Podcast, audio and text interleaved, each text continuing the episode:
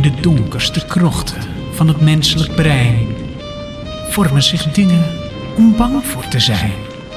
Verhalen vol geesten, mysterie en moord. Alles wat niet in het daglicht thuis hoort. Dus leun achterover, gooi je voeten van de vloer. Maar wees op je hoede, want horror ligt op de loer.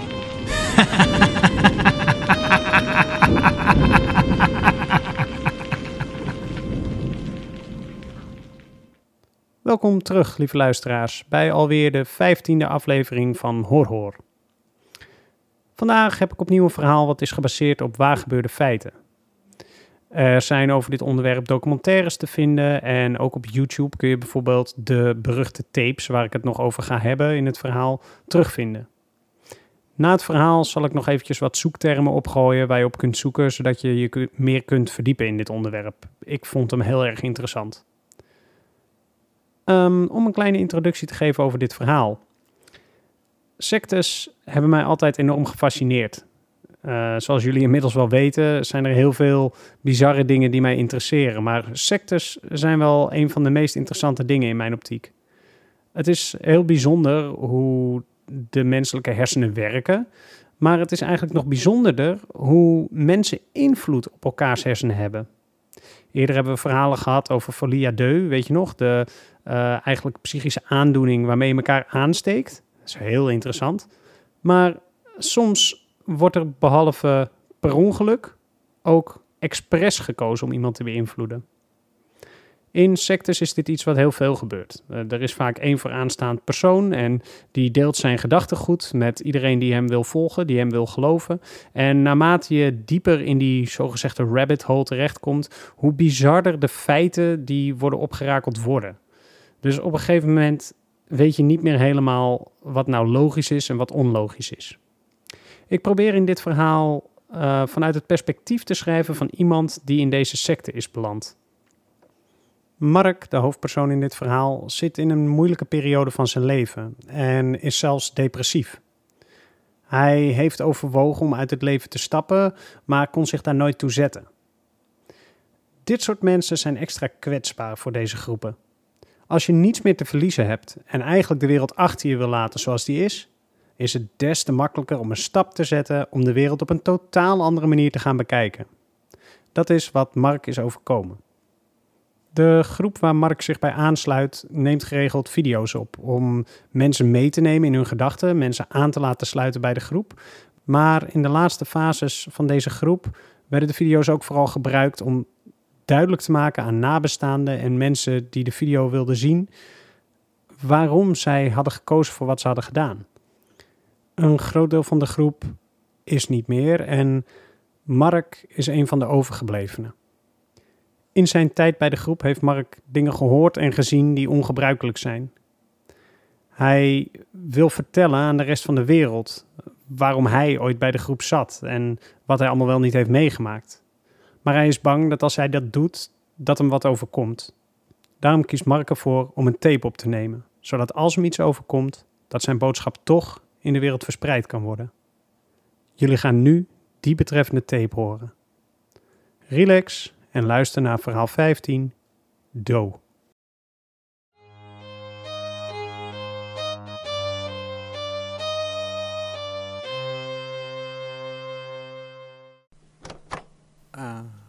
Ja. Oké. Volgens mij staat hij aan. Mijn naam is Mark. Maar er was een tijd dat ik door het leven ging als Marcodi. Ik neem dit bericht op voor het geval mij iets overkomt. Of ik dat nu zelf doe of dat de overheid de dader is. Als ik hier op een dag niet meer ben, wil ik dat men begrijpt wat er is gebeurd en hoop ik dat men kan begrijpen waarom ik de keuzes heb gemaakt die mijn leven voorgoed hebben veranderd. Het was 1993 toen het allemaal begon. Ik lag tussen een paar pollen droog gras in het zand naar de hemel te staren en vroeg me af wat zich daar allemaal af moest spelen. Ik was voortdurend bezig met hoe klein en nietig wij als mensen eigenlijk zijn.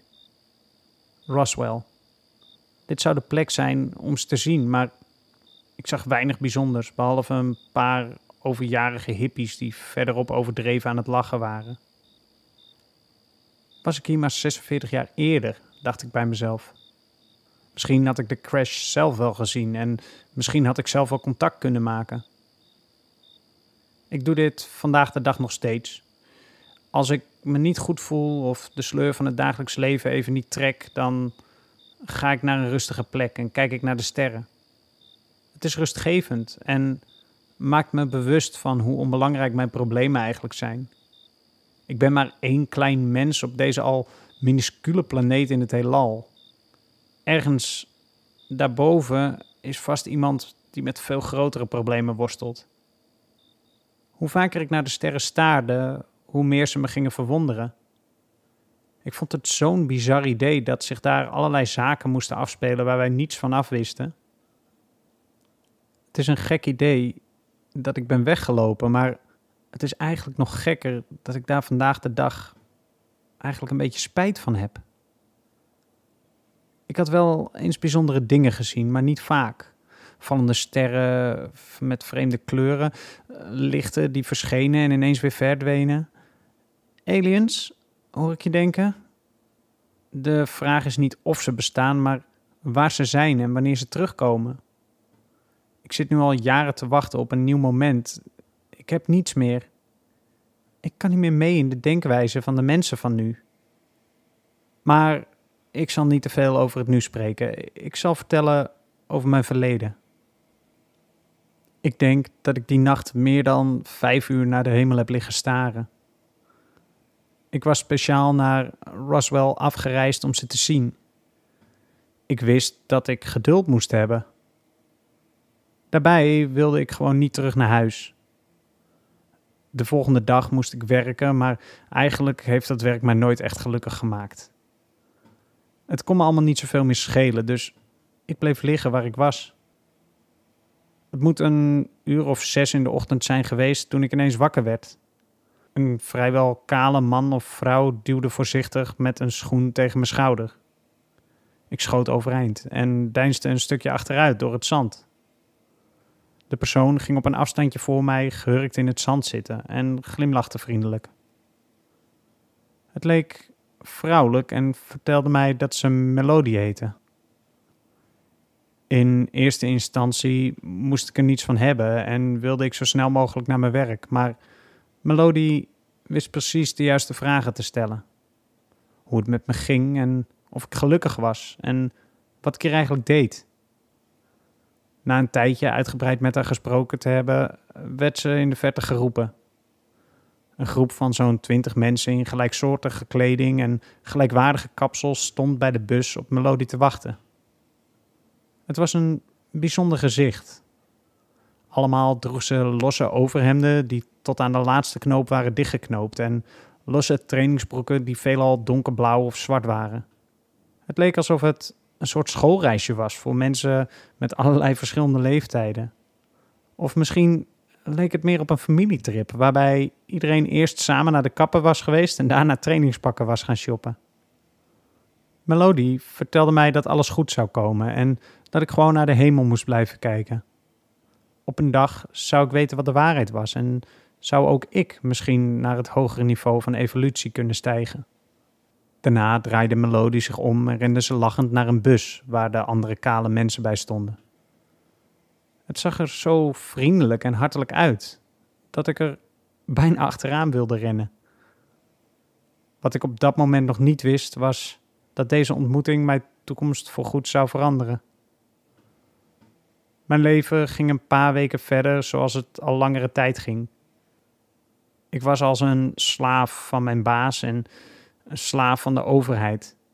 Alles draaide om geld en bezit en ik was eigenlijk ronduit ongelukkig. Op dit moment woonde ik nog bij mijn ouders. Ik was depressief en wilde stoppen met mijn leven. Toch kon ik me daar nooit toe zetten en later ging ik geloven dat dit het moment van incarnatie van Mercodi was. Sorry, ik realiseer me dat dit misschien moeilijk te volgen is. En ik zal proberen zoveel mogelijk uit te leggen wat ik bedoel als ik dingen zeg die voor de meeste mensen vreemd klinken. Mensen geloven soms in reïncarnatie. Dat is wanneer het spirituele deel van een persoon het vleeselijke deel verlaat en later weer plaatsneemt in een ander vleeselijk deel, of zoals wij dat noemden, een voertuig.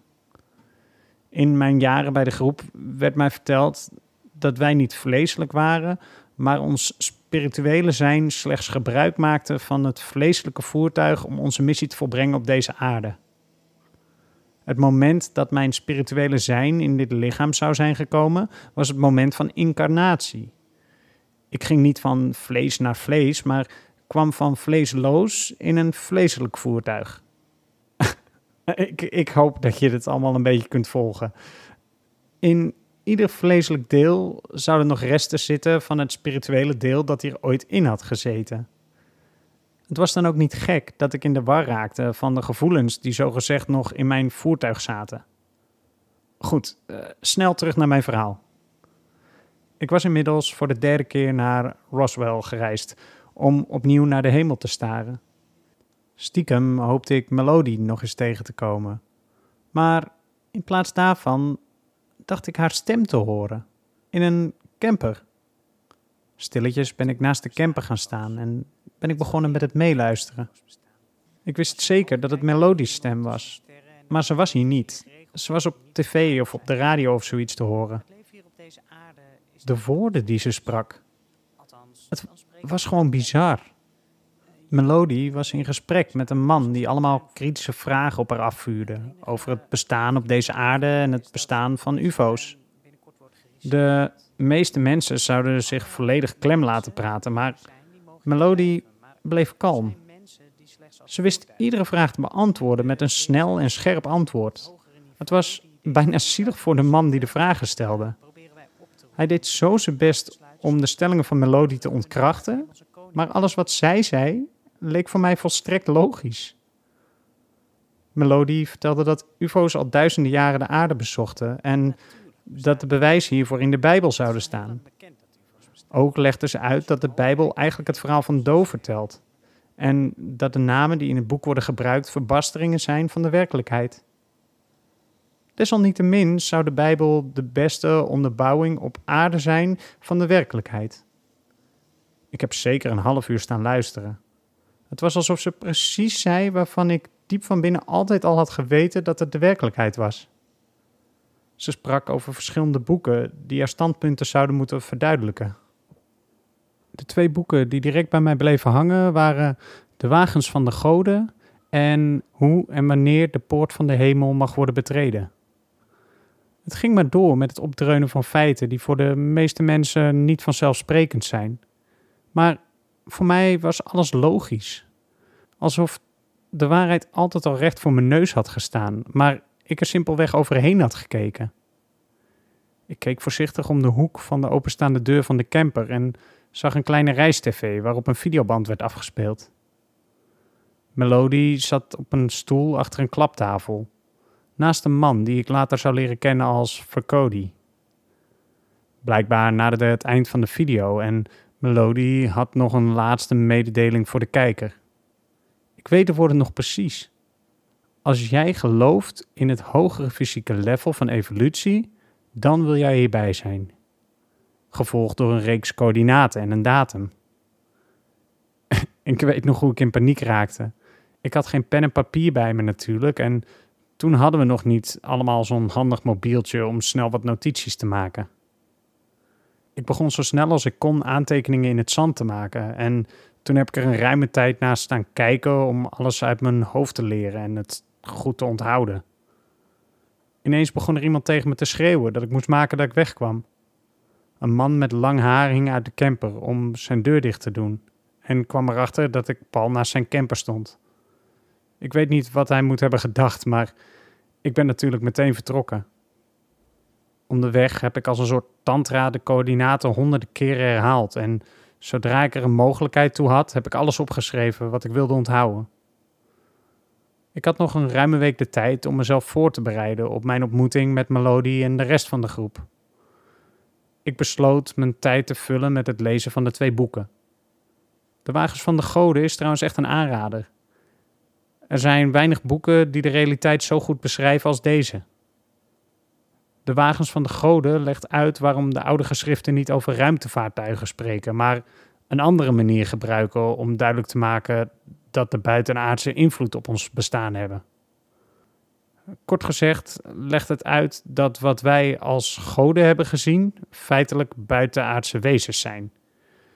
Het tweede boek is een boek dat door de groep zelf is geschreven en vertelt voor een groot deel hetzelfde verhaal. Maar in dat boek worden een aantal opvattingen gedaan waarvan ik mij vandaag de dag realiseer dat deze misschien niet helemaal kloppen. En toen was het moment daar. Ik had inmiddels geleerd wat de naam van de groep was die ik zou gaan ontmoeten en wist inmiddels meer over het bestaan dan ik ooit had geweten. De groep zou zijn ontstaan in 1975, toen ik nog een peuter was, en was na negen maanden weer van de radar verdwenen. Het einde van de missie zou nu echt in zicht zijn en na een jarenlange stilte zou de groep nog eenmaal een poging doen om zoveel mogelijk leden mee te nemen naar het evolutionaire level naar de mensheid. Ik was helemaal voorbereid om alle vragen te stellen die ik nog had en was enorm enthousiast om misschien wel deel uit te gaan maken van de groep die geschikt was om de stap te maken. De locatie bleek een oud motel in Oregon. Voorzichtig liep ik door de voordeur van het gebouw en vroeg ik aan de vrouw achter de balie waar de vergadering plaatsvond.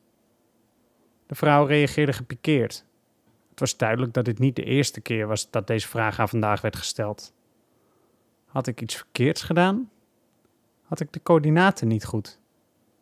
Nee, dat kon niet. Dan zou het niet logisch zijn dat ik hier niet de enige was. Of hadden zij dezelfde fout gemaakt? Ik heb de vrouw gevraagd waar de anderen heen waren gegaan en de vrouw legde uit dat ze iedereen naar huis had gestuurd. Ik kon niet geloven dat dit alles voor niets was geweest. Toen ik het motel uitliep, baalde ik verschrikkelijk. Had ik mijn kans gemist? Wat moest ik nu met mijn leven? En toen zag ik in de verte een stofwolk opdoemen. Het zand kwam in grote hoeveelheden tegelijk los van de weg en een stofwolk kwam geleidelijk aan dichterbij. Het geluid van de piepende remmen van een bus klonk, waarna de stofwolk afnam. Het was dezelfde bus als een paar weken geleden. De deur van de bus opende en ik merkte dat ik hier met iets heel bijzonders te maken had. Een kaalgeschoren man met een vriendelijke glimlach en prachtige lichte ogen keek me recht in mijn ziel. Het leek alsof er een soort roze aura van zijn ogen kwam. Ik weet niet precies wat er gebeurde, maar het voelde goed. Vandaag de dag weet ik dat dit mijn eerste ontmoeting was met Do. Het was een man. Het voelt gek om dit te zeggen. In de groep spraken we nooit over geslacht. Het geslacht was slechts een kenmerk van het voertuig dat we bestuurden. Naar elkaar verwijzen door middel van geslacht was een vreselijke zonde. We moesten onszelf loszien van alles wat menselijk was, om zo het level van de menselijkheid te overstijgen. Maar vandaag de dag durf ik te zeggen dat Do gewoon een man was, van vlees en bloed. Ik ben toen zonder ook maar een vraag te stellen de bus ingestapt en op een van de bankjes gaan zitten. Iedereen in die bus had dezelfde vredige en lieve uitdrukking op zijn gezicht. En alles voelde kalm in de bus. Het was alsof de roze aura de hele bus vulde en ondanks de fijne sfeer was het doodstil en werd er de rest van de reis geen woord gesproken. Aan het eind van de reis stapte iedereen uit bij een prachtig wit landhuis. Een bakstenen trap leidde ons naar de voordeur. En toen ik de voordeur doorstapte, zag ik hoe binnen twee witte, brede trappen linksom en rechtsom toegang verschaften tot de prachtige witte balustrade die de hal vulde. Dit zou de komende drie jaar mijn nieuwe thuis zijn. Het werd me al snel duidelijk dat ik op een andere manier binnen was gekomen dan de anderen.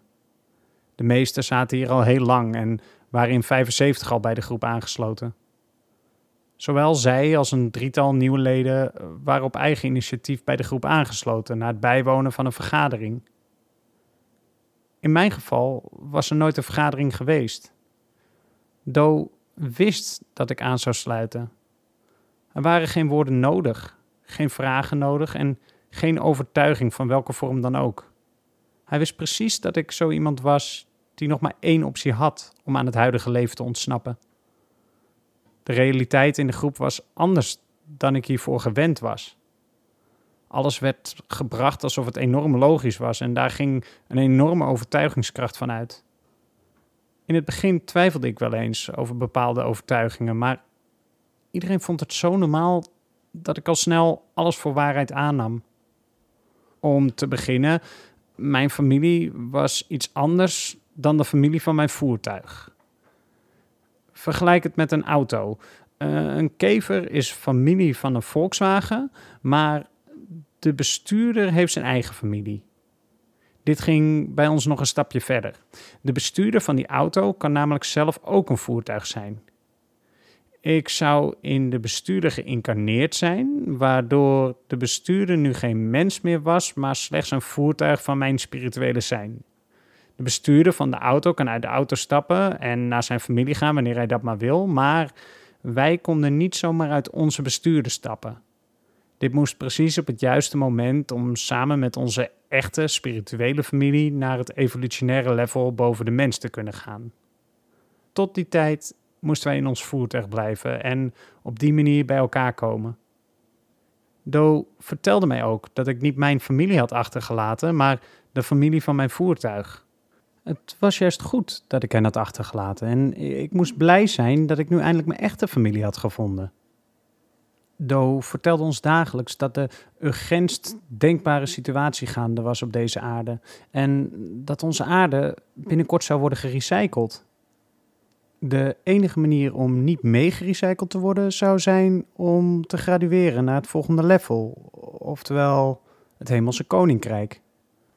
Bij mij gingen in eerste instantie alle alarmbellen af. Moest ik zelfmoord plegen of zo?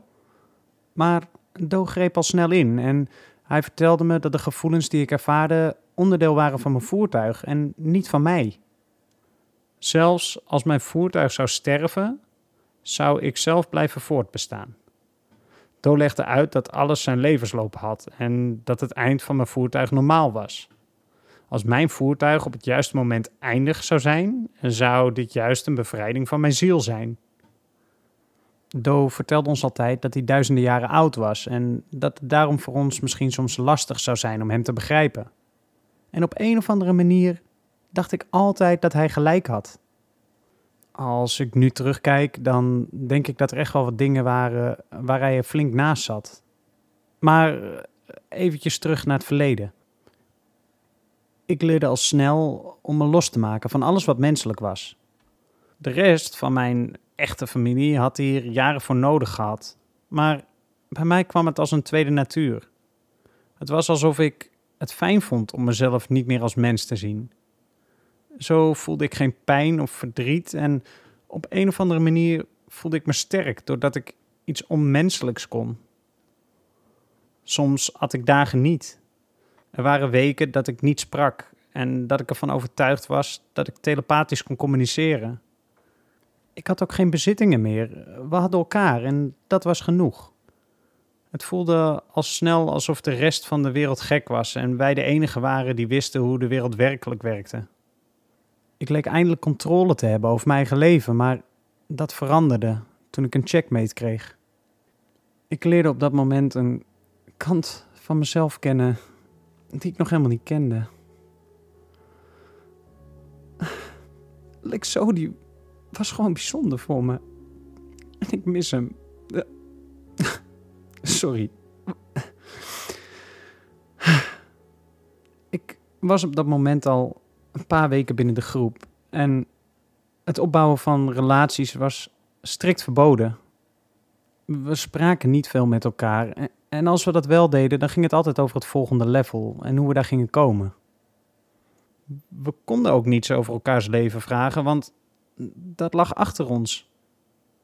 Toen Lexo, die mijn checkmate werd, kwam hij bij mij op de kamer slapen. We sliepen in stalen stapelbedden. Ik lag boven en hij lag onder mij. Er stonden meer stapelbedden in de kamer, maar meestal waren deze niet allemaal bezet. We sliepen in shifts. Er moesten ten alle tijden leden zijn om de hemel in de gaten te houden en op zoek te gaan naar tekenen van leven. Door onze kleding verhulden wij het geslacht van ons voertuig en voorkwamen wij eventuele sensuele aantrekkingen tot andere voertuigen. We sliepen niet in dezelfde kleding, maar we droegen pyjama's. En die pyjama's, die moesten op een gegeven moment een keer aangetrokken worden. Ik wist op dat moment nog helemaal niet dat ik op mannen viel. Maar ik denk dat het loslaten van mijn angst, schaamte en trots ineens ruimte gaf voor dit gevoel. Vaak gluurde ik stiekem vanaf mijn bed naar hem als hij zich omkleedde. Ik was onder de indruk van zijn gespierde torso en volgde vaak dromerig de contouren van zijn rug en zijn armen. Zodra hij zich richting mijn bed draaide, keek ik altijd zo snel mogelijk weg. Ik kon het dan ook niet helpen dat hij door mijn dromen begon te spoken. Sensuele activiteit, of zoals ik het tegenwoordig mag noemen, seks, was ten strengste verboden en ook het hebben van seksuele dromen werd strak in de gaten gehouden. ik weet wat je denkt. Hoe kun je nou in de gaten houden of iemand een seksuele droom heeft? Nou, dat was heel simpel.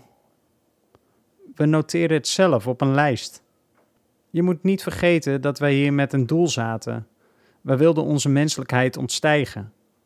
Seksuele behoeften zijn menselijk en om daarvan af te komen moest je het zelf bijhouden. Het duurde dan ook niet lang voor ik op gesprek moest komen bij Do, omdat hij een stijgende lijn had gezien in de frequentie waarmee ik seksuele dromen had. Do gaf aan mij te willen en te kunnen helpen. Hij vroeg mij waar de dromen over gingen en ging soms net even te diep in op de details. Hij vroeg me precies te omschrijven hoe de man in mijn dromen eruit zag en wat ik voelde als ik in mijn dromen naar hem keek. Hij vroeg of ik een erectie had tijdens mijn dromen en of ik ook zaadlozingen had gehad. Ik heb hem alles eerlijk bekend en omschreven. Vanaf dat moment had ik dagelijks gesprekken met Do om het over dit onderwerp te hebben. De gesprekken hielpen niet. Hoe meer we het erover hadden, hoe sterker mijn verlangens werden. Op een avond kon ik mezelf niet bedwingen en bleef ik kijken toen Lexodi zich terug naar het bed draaide. Toen we oogcontact maakten, raakte ik in paniek. Hij, hij had me betrapt, maar, maar nog voor ik mijn mond had geopend om alles uit te leggen, lachte die naar mij. Ik wist niet zo goed wat dit betekende. Was hij zo ver van de menselijkheid verwijderd dat hij dit niet opvatte als aantrekkingskracht? Had hij misschien niet door dat ik naar hem staarde? Of begreep je het niet? Of was het gevoel misschien wederzijds? Ik lachte krampachtig terug en draaide me daarna snel om in een poging om in slaap te vallen. Die nacht werd ik wakker met een volle blaas. Toen ik bij het toilet aankwam, was de deur dicht. Er zat geen slot op de deur, maar de regel was: als het toilet in gebruik is, sluit je de deur en als je klaar bent, laat je de deur open. Ik stond ongeduldig voor de dichte deur te wachten tot er iemand open zou doen en naar buiten zou komen. Maar er gebeurde maar niets. Na een poosje besloot ik zachtjes aan te kloppen. Ik vroeg of de persoon daarbinnen al bijna klaar was, maar ik kreeg geen gehoor. Na nog een paar minuten stond ik zo ongeveer op knappen. Dit moest een vergissing zijn geweest. Of de deur was misschien per ongeluk dichtgewaaid. Ik trok met een ruk de deur open en stond ineens oog in oog met Lexodi. Hij had tranen in zijn ogen en hij keek me wanhopig aan. Even dacht ik niet meer aan mijn volle blaas en staarde ik diep in zijn bruine ogen. Het ging als vanzelf. We zoenden. Een seconde of tien waren we beiden verdwaald in het moment. Toen hij zich ineens van me afduwde. Geschrokken veegde hij een traan weg en vertrok hij richting zijn bed zonder iets te zeggen.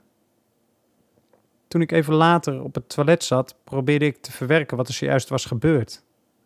Ik voelde me schuldig. Ik had dit nooit mogen doen. Maar het was een puur moment. Het was echt. Ik was weer even mens en ik was gelukkig. Ik denk dat ik op dit moment begon te realiseren dat wat ik hier deed niet helemaal klopte. In de groep hadden we dagelijks momenten van samenkomen waarbij Do ons toesprak.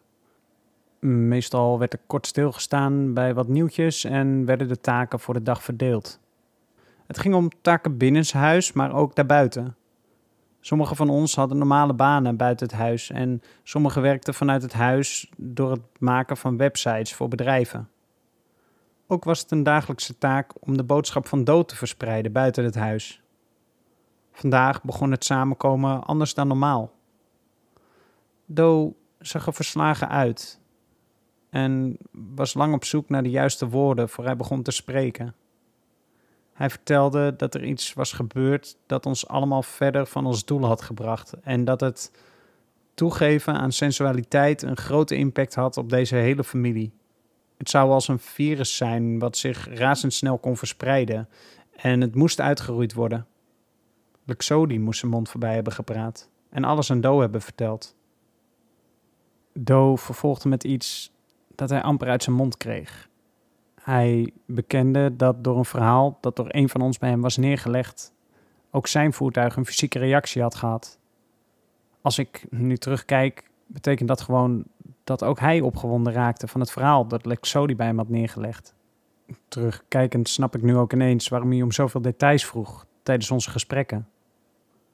Gelukkig, zo vertelde hij, was er voor iedereen wie met deze problemen kampte of bang was dat hij hier ooit mee te maken zou gaan krijgen, een goede oplossing. Binnen de groep was iemand met een medische achtergrond, die in het verleden bij huisdieren behandelingen had uitgevoerd om de nadelige effecten van sensuele gevoelens te voorkomen. Vervolgens gaf Do het woord aan Vercody. Vercody legde uit wat hij kon doen om ons van deze problemen af te helpen. Mijn maag draaide zich om bij de gedachte. Vercody zou een incisie in het scrotum van het voertuig maken en de teelballen eruit halen. Daarna zou hij het scrotum weer hechten en zou het probleem voorgoed verholpen moeten zijn. We waren toch geen beesten? Maar Do wist van mijn situatie en zou zeker van mij verwachten dat ik in zou stemmen met de ingreep. Do nam het woord weer over en prees het idee de hemel in. Daarna vroeg hij wie zich als eerst vrijwillig wilde aanbieden. Direct na die vraag keek hij mij indringend aan. Ik wilde dit absoluut niet en voelde me verschrikkelijk in de hoek gedreven. Er viel dan ook een last van mijn schouders toen Luxodi liet weten dat hij de eerste in de groep wilde zijn om de behandeling te ondergaan.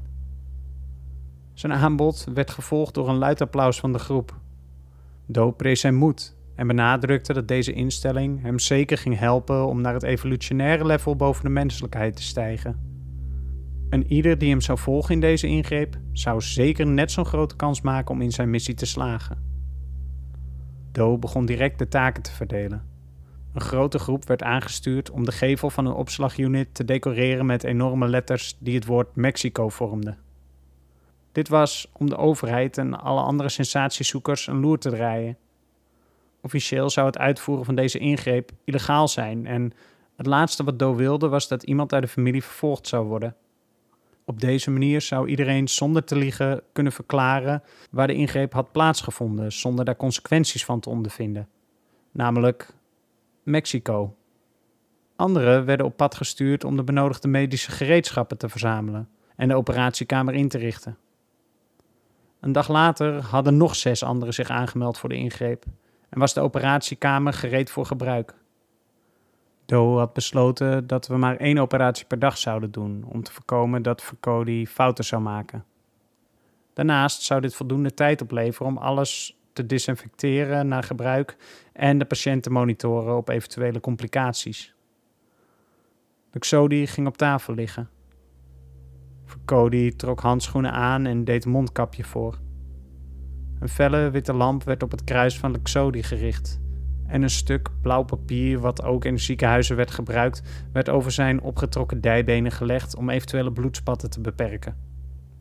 Melody assisteerde bij de operatie en stond klaar om Lexodi onder narcose te brengen. De hele groep keek toe toen Lexodi het kapje voor de narcose wegduwde. Het werd doodstil. Luxodi vertelde dat hij geen narcose wilde. Dit was een test. Als hij dit zonder verdoving kon doorstaan, was dit het bewijs dat hij afstand kon nemen van zijn menselijkheid. De pijn was slechts een effect op zijn voertuig en niet op hemzelf. Dus verdoving was niet nodig, vertelde hij. Ik keek met pijn in mijn hart toe, terwijl de rest van de groep Luxodi weer een enthousiast applaus gaf.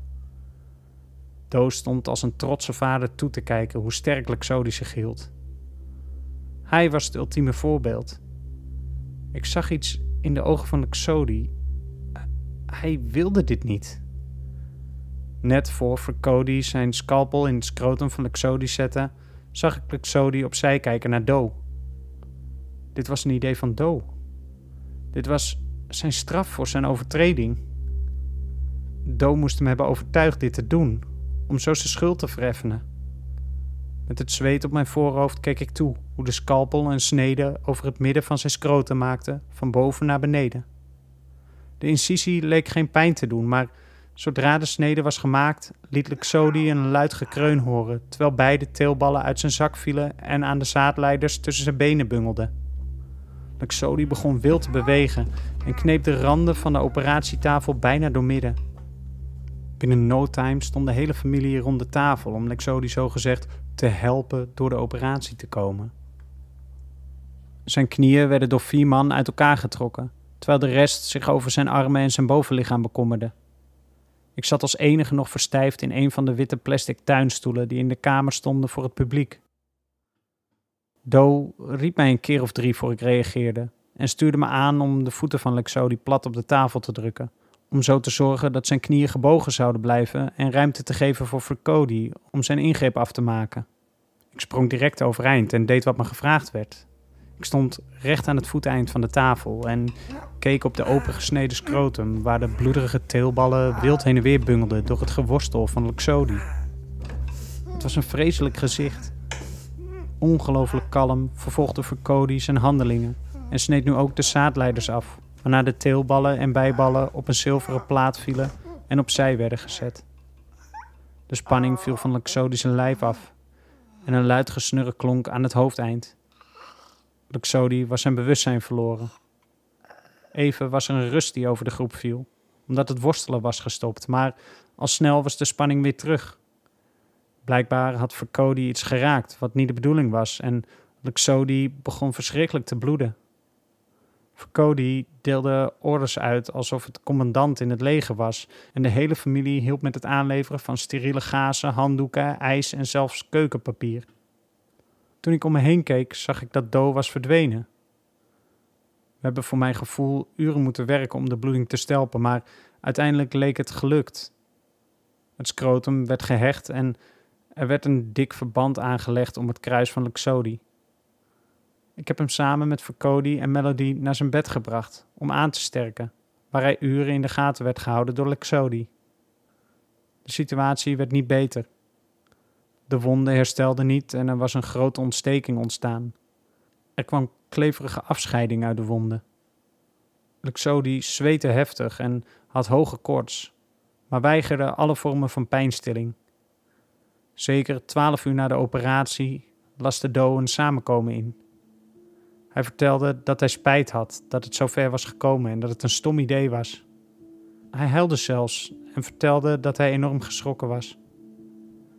Hij vertelde dat hij van ons allemaal hield en dat dit nooit de bedoeling was. Toen hij vertelde dat wij moesten stoppen met wat we aan het doen waren, werd het doodstil. Na zeker vijf minuten stond Melody op en vertelde dat wij Do moesten helpen om zijn menselijke emoties te onderdrukken. De gevoelens die hij uitte zouden logisch zijn, omdat zijn voertuig niet om zou kunnen gaan met de afgelopen gebeurtenissen. Melody vervolgde dat wij door moesten gaan en dat ons werk niet voor niets was geweest. Ze verwees naar T en wat haar plan voor ons was. Oh, sorry, ik heb nog niets over T verteld. Hoe kon ik T vergeten? Ehm, eh, toen ik bij de groep kwam, had T haar voertuig al een tijdje verlaten. Er werd veel over haar gesproken, maar ik heb haar eigenlijk nooit fysiek gezien. Do en T werden ook wel de twee genoemd. De groep was door hen opgericht en de laatste keer dat Do zo emotioneel was, zou zijn geweest toen T vroegtijdig haar voertuig had verlaten. Sindsdien sprak Do niet meer over haar als een gelijke, maar als zijn overste. Hij refereerde naar zichzelf als de zoon van T en T was zijn vader in het Hemelse Koninkrijk. Do schraapte zijn keel en bedankte Melody voor haar moedgevende woorden. Daarna bleef het weer zeker een minuut stil. Ineens begon Do weer te spreken. Hij gaf Melody gelijk en stemde in met het feit dat we moesten doorgaan, al was het maar voor T. Sinds ik bij de groep was, was er nooit over stoppen gesproken, tot vandaag. Stiekem hoopte ik dat dit door zou zetten, maar dat gebeurde niet. Het is belangrijk dat ik jullie vertel dat wij nooit werden verplicht om te blijven. Wij mochten gaan wanneer we wilden en terugkomen wanneer we wilden. Maar als wij uit de groep werden gezet wegens het overtreden van regels, zouden we nooit meer terug mogen komen. Misschien lijkt het erop dat we in gevangenschap hebben geleefd, maar het was een vreemde tweestrijd. Ik wilde wel weg en ik wilde weer mens zijn, maar ergens had ik het gevoel dat ik dan ook een grote kans misliep en voelde het als een zwakte om toe te geven aan mijn menselijke kanten. Vreemd genoeg was er niemand binnen de groep die na die dag had besloten om de groep te verlaten. Het leek alsof dit soort gebeurtenissen ons alleen maar meer overtuigden om door te gaan met waar we mee bezig waren. We hadden een missie, die zouden we samen halen. Menselijkheid hoorde daar niet bij en falen was geen optie. Alles wat we tot nu toe hadden gedaan, kon niet voor niets zijn. We zaten vast, maar het was altijd onze eigen keus. Do had besloten om Luxodi in het ziekenhuis te laten behandelen. En al snel leek Luxodi alweer de oude. Er waren nog een aantal leden die vervolgens wel succesvol een castratie hadden ondergaan. En, en ieder werd alsnog door Do en de rest geprezen voor de moed en de toewijding. Na verschillende gesprekken met Do heb ik er uiteindelijk ook voor gekozen om mezelf te laten helpen. Bij mij ging gelukkig alles goed en ik heb sinds dat moment ook geen extreme gevoelens meer gehad. Ik weet echter niet of dit komt door de operatie of door het feit dat ik bij elke sensuele gedachte meteen het beeld van de operatie van Xodi door mijn hoofd zie schieten. Jaren gingen voorbij en er veranderde weinig in de groep. Maar in 96 sloeg de sfeer om. In eerste instantie was dit iets positiefs. Doe vertelde dat er binnenkort een komeet langs de aarde zou schieten, met een enorme omvang. Een komeet als deze zou ongeveer eens in de 2000 jaar langskomen en was een teken van T dat het tijd was. De hele familie was extatisch. Dit was het moment waar de meesten al meer dan 20 jaar naartoe hadden gewerkt en eindelijk was het dan zover. De groep heeft altijd naar een fysieke overstap tot het evolutionaire level boven de mensheid of het Hemelse Koninkrijk toegewerkt. Sinds ik bij de familie zat, werd er eigenlijk alleen nog maar gesproken over een spirituele overstap naar het volgende level. En nu het moment daar was, werd wel even flink benadrukt dat de spirituele overstap de enige mogelijkheid was.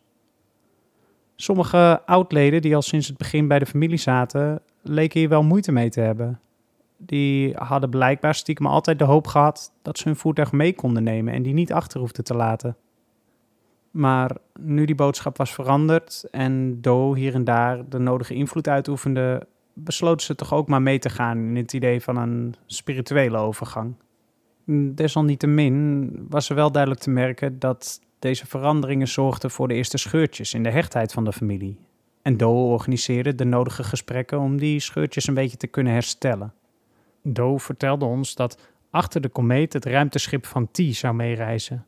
Als wij allemaal ons voertuig achter zouden laten in de korte tijd dat het ruimteschip op aarde zou zijn, dan zou ons spirituele zijn in het schip worden opgenomen en zou het schip vervolgens vertrekken naar het Hemelse Koninkrijk. Iedereen leek dit heel logisch te vinden, maar op dit moment kon ik er niet helemaal bij met mijn hoofd. Waarom zou een fysiek ruimteschip landen op een plek die ons niet bekend was om precies ons mee te nemen in een spirituele vorm, terwijl wij hoogstwaarschijnlijk op een andere plek zouden zijn dan het schip. En waarom zouden wij niet fysiek het schip kunnen binnengaan? T wist toch precies waar we waren? Uh, Do had telepathisch contact met T, dus dat moest makkelijk af te stemmen zijn. Duizenden vragen spookten door mijn hoofd vanaf dit moment. En in het geheim begon ik opnieuw te twijfelen aan mijn missie. De rest van wat Do vertelde klonk mij wel logisch in de oren. Do was hier ongeveer 2000 jaar geleden ook om dezelfde boodschap te verkondigen. Hou je vast aan mij en ik breng je naar het Hemelse Koninkrijk.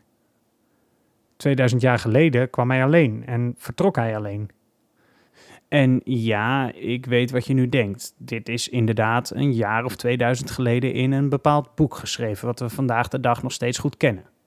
Maar Do vertelde dat deze keer zijn vader was meegereisd. Die vroegtijdig is teruggegaan naar het Hemelse Koninkrijk om de nodige voorbereidingen te treffen voor de volgelingen die mee zouden gaan. Hij benadrukte dat dit alles niet om hem ging, maar om de mensen die in hem geloofden. Die mensen zouden alles overleven. Dit alles stond ook omschreven in de Bijbel, maar dan in iets andere woorden die voor de meeste mensen beter te begrijpen zouden zijn geweest. Dove vertelt ons dagelijks dat buitenaardse wezens geen reptielen of monsters waren, maar wezens zonder enige vorm van geslacht. Ze zouden geen haren of tanden hebben omdat ze niet hoefden te eten. Ze zouden wel stembanden hebben, maar deze nauwelijks gebruiken omdat ze telepathisch communiceren. Momenteel zou ons fysieke zijn in de vorm van een menselijk voertuig niet passend zijn bij ons spirituele zijn. Do kon zich zijn hemelse zijn herinneren en voelde zich niet prettig in dit menselijke voertuig. Het zou strikt noodzakelijk zijn geweest om deze vorm aan te nemen, zodat hij de boodschap op aarde kon verspreiden. Maanden gingen voorbij waarin Do ons bleef vertellen over het hemelse koninkrijk. Als wij erheen wilden, moesten we al ons bezit achterlaten. Dat was immers wat iedereen al voor een groot deel had gedaan. Het enige wat nog over was, waren onze voertuigen. Do vertelde keer op keer dat hij nooit had gezegd dat wij welvarend moesten zijn of families moesten stichten. Hij had altijd al gezegd dat we alles achter moesten laten. En ook dit stond in de Bijbel omschreven, die hij zo'n 2000 jaar geleden zou hebben laten schrijven. De Bijbel zou zijn woord zijn geweest, in de taal die de mensen in die tijd het beste zouden hebben begrepen. Met de kennis van vandaag zou de hemel geen sprookje met harpen en wolken zijn, als je omhoog zou kijken, bij een heldere lucht, zou je de hemel gewoon zien. Hij was daar gewoon, al die tijd. Het was geen kwestie van geloven. We konden allemaal de hemel zien met zijn sterren, planeten en ruimteschepen. Vroeger omschreef men engelen als mensen met vleugels, maar anders konden ze het simpelweg niet begrijpen. Het waren ruimteschepen wie daar rondvlogen, met buitenaardse wezens zoals wij erin. Ongeveer een jaar lang hebben we allerlei mogelijke manieren besproken om de overstap naar het volgende level te maken.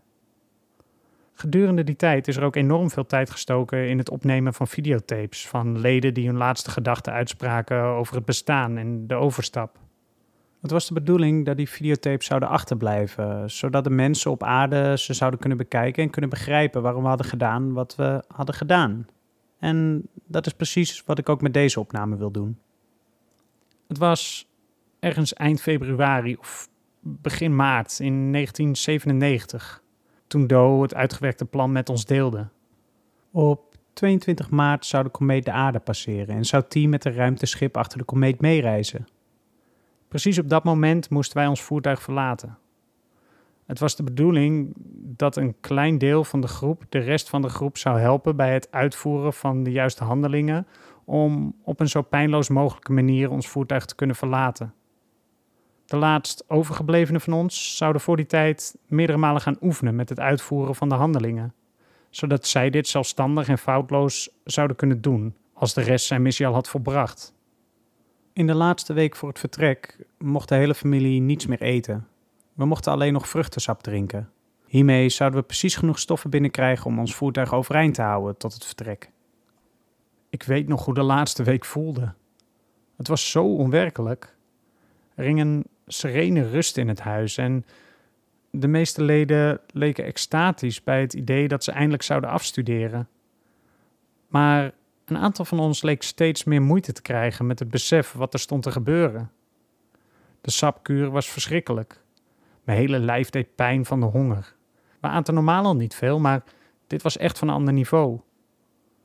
Soms probeerde ik uit pure wanhoop maar een paar glazen extra sap te drinken, maar Mijn maag was zo klaar met die stoffen dat ze er dan vaak direct weer uitkwamen. Een aantal leden leek het allemaal niet zo positief in te zien. Naast het slechte humeur en de vermoeidheid ontstonden soms zelfs ruzies. Dit was iets wat volgens de oud-leden in geen 22 jaar was gebeurd. De ruzies waren maar kort en het kwam nooit tot fysiek geweld. Het meest bizarre was dat na zo'n ruzie direct weer een soort meditatieve staat ontstond in de groep. Iedereen spaarde zoveel mogelijk zijn krachten om het einddoel te halen. Samen moesten we de dag voor het uiteindelijke vertrek of het afstuderen, zoals we het zelf destijds noemden, nog één keer een video opnemen, waarin de hele wereld kon zien dat het een bewuste keuze was en hoe gelukkig we waren met onze keuze. Doos sprak tegen de camera met een uitleg over wat er stond te gebeuren. Toen hij klaar was met het praten, vroeg hij voor Cody om de groep te filmen. Ikzelf stond tussen de groep van de 38 overgebleven leden die had besloten om op korte termijn zijn voertuig te verlaten. Iedereen kreeg één voor één een close-up. Iedereen werd nog eens bij zijn hemelse naam genoemd, waarna vrijwel iedereen nog even de kans kreeg om snel iets te zeggen. Het werd ineens pijnlijk duidelijk dat een aantal van hen er niet meer in slaagde om zijn spreekwoordelijke masker op te houden. Doe moest een aantal leden herinneren aan het feit dat ze moesten lachen voor de camera. Ik keek om me heen en zag hoe deze leden ineens de bekende neppe glimlach opzetten, waar ik in de afgelopen tijd zo aan gewend was geraakt. Dit was niet wat ze wilden. Maar ze konden niet meer terug. Ze werden slachtoffer van hun eigen volgzaamheid. Voelde bij mezelf dat ik hier ook last van had. Langzaam draaide de lens van de camera in mijn richting. Ik forceerde mezelf een lach op mijn gezicht en zwaaide vrolijk naar de camera. Opnieuw zag ik hoe Do als een trotse vader langs de zijlijn stond te lachen en zijn duim naar me opstak. En ik beantwoordde dit gebaar met een vanzelfsprekende vriendelijke knik. Na de opnames maakte Do de taakverdeling en de procedures bekend. Ik was één van de acht leden die de rest van de familie zou assisteren bij het uitvoeren van de stappen. Gezien ik relatief jong was, was Do in de veronderstelling dat ik mij de handelingen sneller eigen zou maken. En zodoende zou ik ook een hogere kans van slagen hebben om dit zelfstandig bij mezelf voor elkaar te krijgen. De laatste twee dagen voor het vertrek werden zeven andere leden en ikzelf vrijgesteld van alle taken om zoveel mogelijk te oefenen met de procedure. Twee volle dagen herhaalde ik dezelfde handelingen. Het was een simpele procedure, maar het moest geoefend worden om succes te garanderen. We oefenden met z'n achter samen. Een van ons zou de andere zeven begeleiden bij de stappen, waarna hij de stappen bij zichzelf zou uitvoeren en daarna rouleerden we in functie. Ik beleefde het als een voordeel dat ik in deze groep zat, vanwege een van de stappen in de procedure: de appelmoes. De procedure ging als volgt. Iedereen zou zich eerst omkleden in zijn ceremoniële kleding, wat bestond uit een zwart trainingspak en zwarte sportschoenen.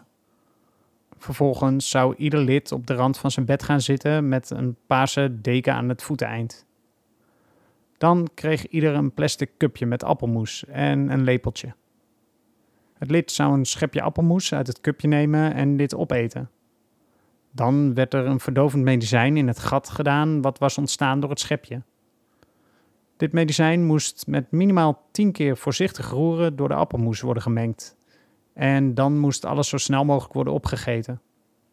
Als laatst moest er een volle beker met een slaapopwekkend middel worden ingenomen, dat ervoor zou zorgen dat het lid vredig in slaap zou vallen.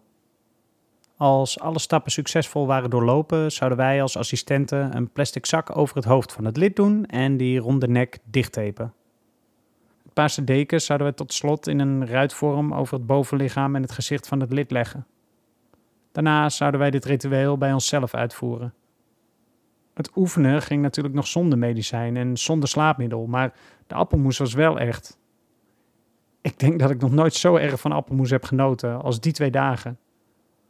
Vandaag de dag ga ik al over mijn nek bij de gedachte aan appelmoes, maar toen was het echt gewoon geweldig. Voor ik het wist, was het 22 maart 1997 en het moment was daar.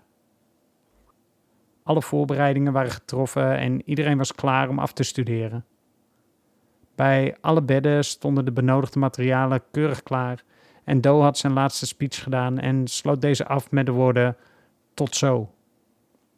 De eerste groep van 15 leden had zich omgekleed en zat klaar om de procedure uit te voeren. Er hing een spanning in de lucht, maar iedereen was gefocust op zijn taak. Samen met mijn mede-assistenten hielpen wij de eerste 15 leden met het innemen van de appelmoes, het medicijn en het mengsel van slaapmiddel en wodka. Alles verliep rustig en al snel lag ieder lid met een zak over zijn hoofd op bed. Als ik er nu aan terugdenk, was het een vreselijk aangezicht. Ik schaam me en ik ben boos dat het ooit zover heeft kunnen komen, maar toen de tijd was het allemaal anders. Ik voelde niks meer. Ik was maar weinig mens en ik was helemaal niet gewend om mijn gevoelens te gebruiken. Laat staan mijn gezonde verstand. De tweede groep kon niet wachten om ook te vertrekken en zat al op de randen van hun bedden te wachten. Een groot deel van de groep had zelf het ritueel zonder hulp uit weten te voeren en slechts een paar leden hadden wat hulp nodig met de tape. Het was stil en rustig, maar dat veranderde al snel. Ik en de zeven andere assistenten zaten nu ook op de rand van ons bed klaar om het ritueel uit te voeren. We salueerden elkaar en Iedereen begon zo snel mogelijk zijn eigen ritueel uit te voeren. Ik twijfelde een moment en zag dat de rest al aan het slaapmiddel was begonnen. Ik nam de eerste hap van de appelmoes en gooide het medicijn in het kuiltje wat ik had geschept. Ik begon het te roeren en telde iedere roerbeweging. 1, 2, 3, 4, 5, zes. En toen hoorde ik op een paar bedden verderop wild geritsel. Ik keek op. Een paar meter verderop zag ik hoe een lid wild de zak om zijn hoofd wegscheurde en de tape van zijn nek wegtrok. Ik zat als bevroren op de rand van mijn bed en keek op een afstandje toe. Piepend en hijgend begon hij naar lucht te happen. En nog grijpend naar zijn keel viel hij naast zijn bed op de grond. Drie van mijn medeassistenten snelden erop af en probeerden de man terug in bed te leggen. De man sloeg wild om zich heen en zijn rood doorbloede ogen stonden zo wijd dat ze bijna uit zijn oogkassen leken te rollen. Door de commotie kwamen er een stuk of zes andere leden ook overeind in hun bed. Er moest iets mis zijn gegaan met de dosering van het slaapmiddel. Ook ik schoot nu overeind om te helpen en de boel enigszins te kalmeren. Niet veel later begon het medicijn en het slaapmiddel ook bij de assistenten te werken. Alle zeven begonnen ze te zwalken alsof ze stomdronken waren. De ruimte vulde zich met een paniekerige krijs. De man die als eerste overeind was gekomen lag inmiddels in de deuropening in zijn eigen urine en bewoog niet meer. Een ander lid struikelde met de zak nog over haar hoofd over hem heen, terwijl ze wild probeerde de zak los te scheuren. Het was totale chaos. En ik was de enige die de middelen nog niet had ingenomen. Ik probeerde de schade te beperken en de paniek uit de hoofden van de leden te praten, maar eh, te vergeefs. Het enige wat ik nog kon doen was wachten tot ze stopten met bewegen en ze dan maar terug in hun bed leggen. Mijn medeassistenten waren niet meer in staat om zichzelf te helpen en door het aanzicht van de chaos besloten twee van hen een poging te doen om te vluchten. Ik ben toch gauw achter ze aangerend om ze te stoppen. Als zij in de buitenwereld hun voertuig zouden verlaten, zouden ze zeker niet door die worden meegenomen. Nog voor ze de voordeur hadden bereikt, wierp een van hen zich over de rand van de balustrade en landde met zijn hoofd op de witte marmeren vloer in de hal. De andere stopte halverwege de trap en begon een mengsel van appelmoes, wodka en bloed tegen de muur aan te braken. Toen hij klaar was met het braken, stortte ook hij in elkaar op de trap. Het was weer stil in huis. Zo stil was het nog nooit geweest. Ik moest dit oplossen. Ik heb de lichamen allemaal terug naar hun bedden gesleept. Ieder van hen heb ik keurig op zijn rug op het bed gelegd en afgedekt met de paarse deken zoals de procedure omschreef. Met het zweet op mijn voorhoofd, mijn handen en kleding onder het bloed, braaksel, urine en alle mogelijke ranzigheid plofte ik na zeker een uur slepen en poetsen op de rand van mijn bed neer. Verslagen pakte ik het kuipje appelmoes en ging ik verder met roeren. Zeven, acht, negen, tien. Ik staarde stil naar het kuipje en keek nog eens om me heen. Het was alsof alles volgens plan was verlopen. Het was stil en iedereen lag keurig op zijn plek. Ik kon me bijna niet voorstellen wat er zojuist was gebeurd. Ik heb het mengsel niet gegeten, anders kon ik je dit nu niet navertellen. En wat ik nu ga vertellen, heb ik nog nooit eerder verteld. Ik denk dat ik bang was voor de consequenties.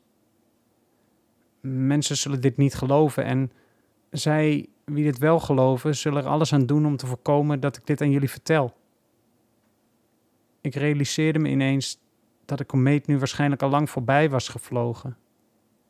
Als ik door zou gaan met de procedure, zou ik te laat zijn. De familie van mijn voertuig, of uh, wat ik vandaag de dag mijn echte familie noem, zou in vreselijke rouw en verdriet achterblijven. Het enige goede wat ik nu kon doen, was niet doorzetten. Ik heb mijn appelmoes in de vuilnisbak gegooid en mijn slaapmiddel door de gootsteen gegooid. Ik kon hier niet langer blijven, dus vervolgens ben ik de voordeur uitgelopen. Het was donker en de lucht was helder. Ik schokte richting de poort voor het huis. En voor ik de poort opende, keek ik nog één keer om, om afscheid te nemen van de plaats waar ik nooit meer terug zou keren. Toen ik omkeek, zag ik iets wat ik nog nooit had gezien. Achter het huis kwam een roze gloed vandaan. Ongeveer hetzelfde als wat ik dacht te hebben gezien bij mijn eerste ontmoeting met Do.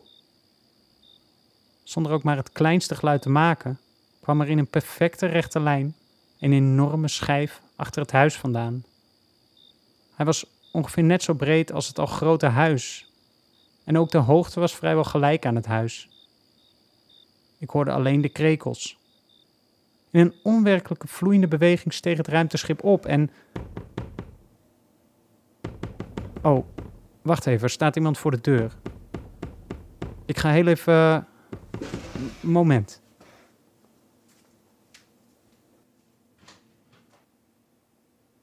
Um, hoi? Wie zijn jullie? Hallo? Waarom zeggen jullie niks? Hé, hey. wat komen jullie doen? Hé, hey, blijf eens even buiten.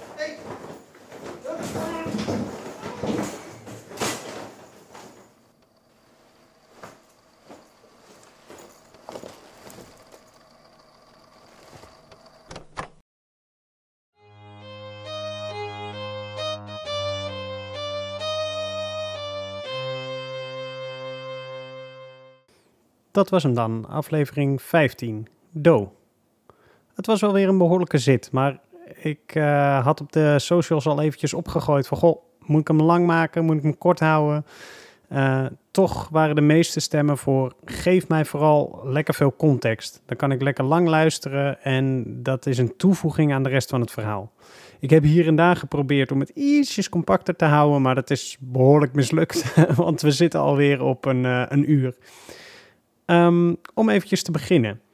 De dingen waar je op kunt zoeken op Google. En HBO heeft trouwens ook een uh, documentaire. Heaven's Gate heette deze cult. Um, nou ja, eigenlijk is het verhaal daar zo erg op gebaseerd dat als je de documentaire gaat zien op HBO of de oudere documentaires die ook op YouTube te vinden zijn, dan ga je heel veel dingen herkennen van wat ik hier heb verteld. Uh, de korte strekking van het verhaal is eigenlijk een beetje zonder al te veel achtergrond.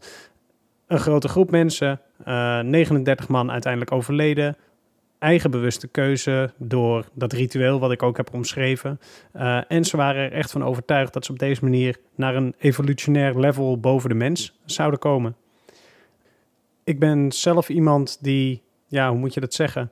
Ik wil niet zeggen dat ik met alle winden meewaai, maar op een of andere manier, als er mensen zijn met extreme gedachten, is het bij mij de eerste natuur om me te proberen te verplaatsen in die persoon en op een, een of andere manier de logica erachter te zoeken. Ik denk dat die eigenschap maakt dat ik dit verhaal heb kunnen schrijven. Uh, en ik hoop voor mensen die het misschien herkennen of ja, wat dan ook, dat ik ook een beetje de werkelijkheid raak. Het is natuurlijk invullen voor een ander wat ik doe op het moment dat ik dit schrijf. Ik ga ervan uit dat iemand die zich heeft aangesloten bij zo'n groep ongeveer in deze situatie moet hebben gezeten en ongeveer op deze manier moet hebben gedacht. Oké, voor de oplettende luisteraar, ik heb hier een stukje geknipt.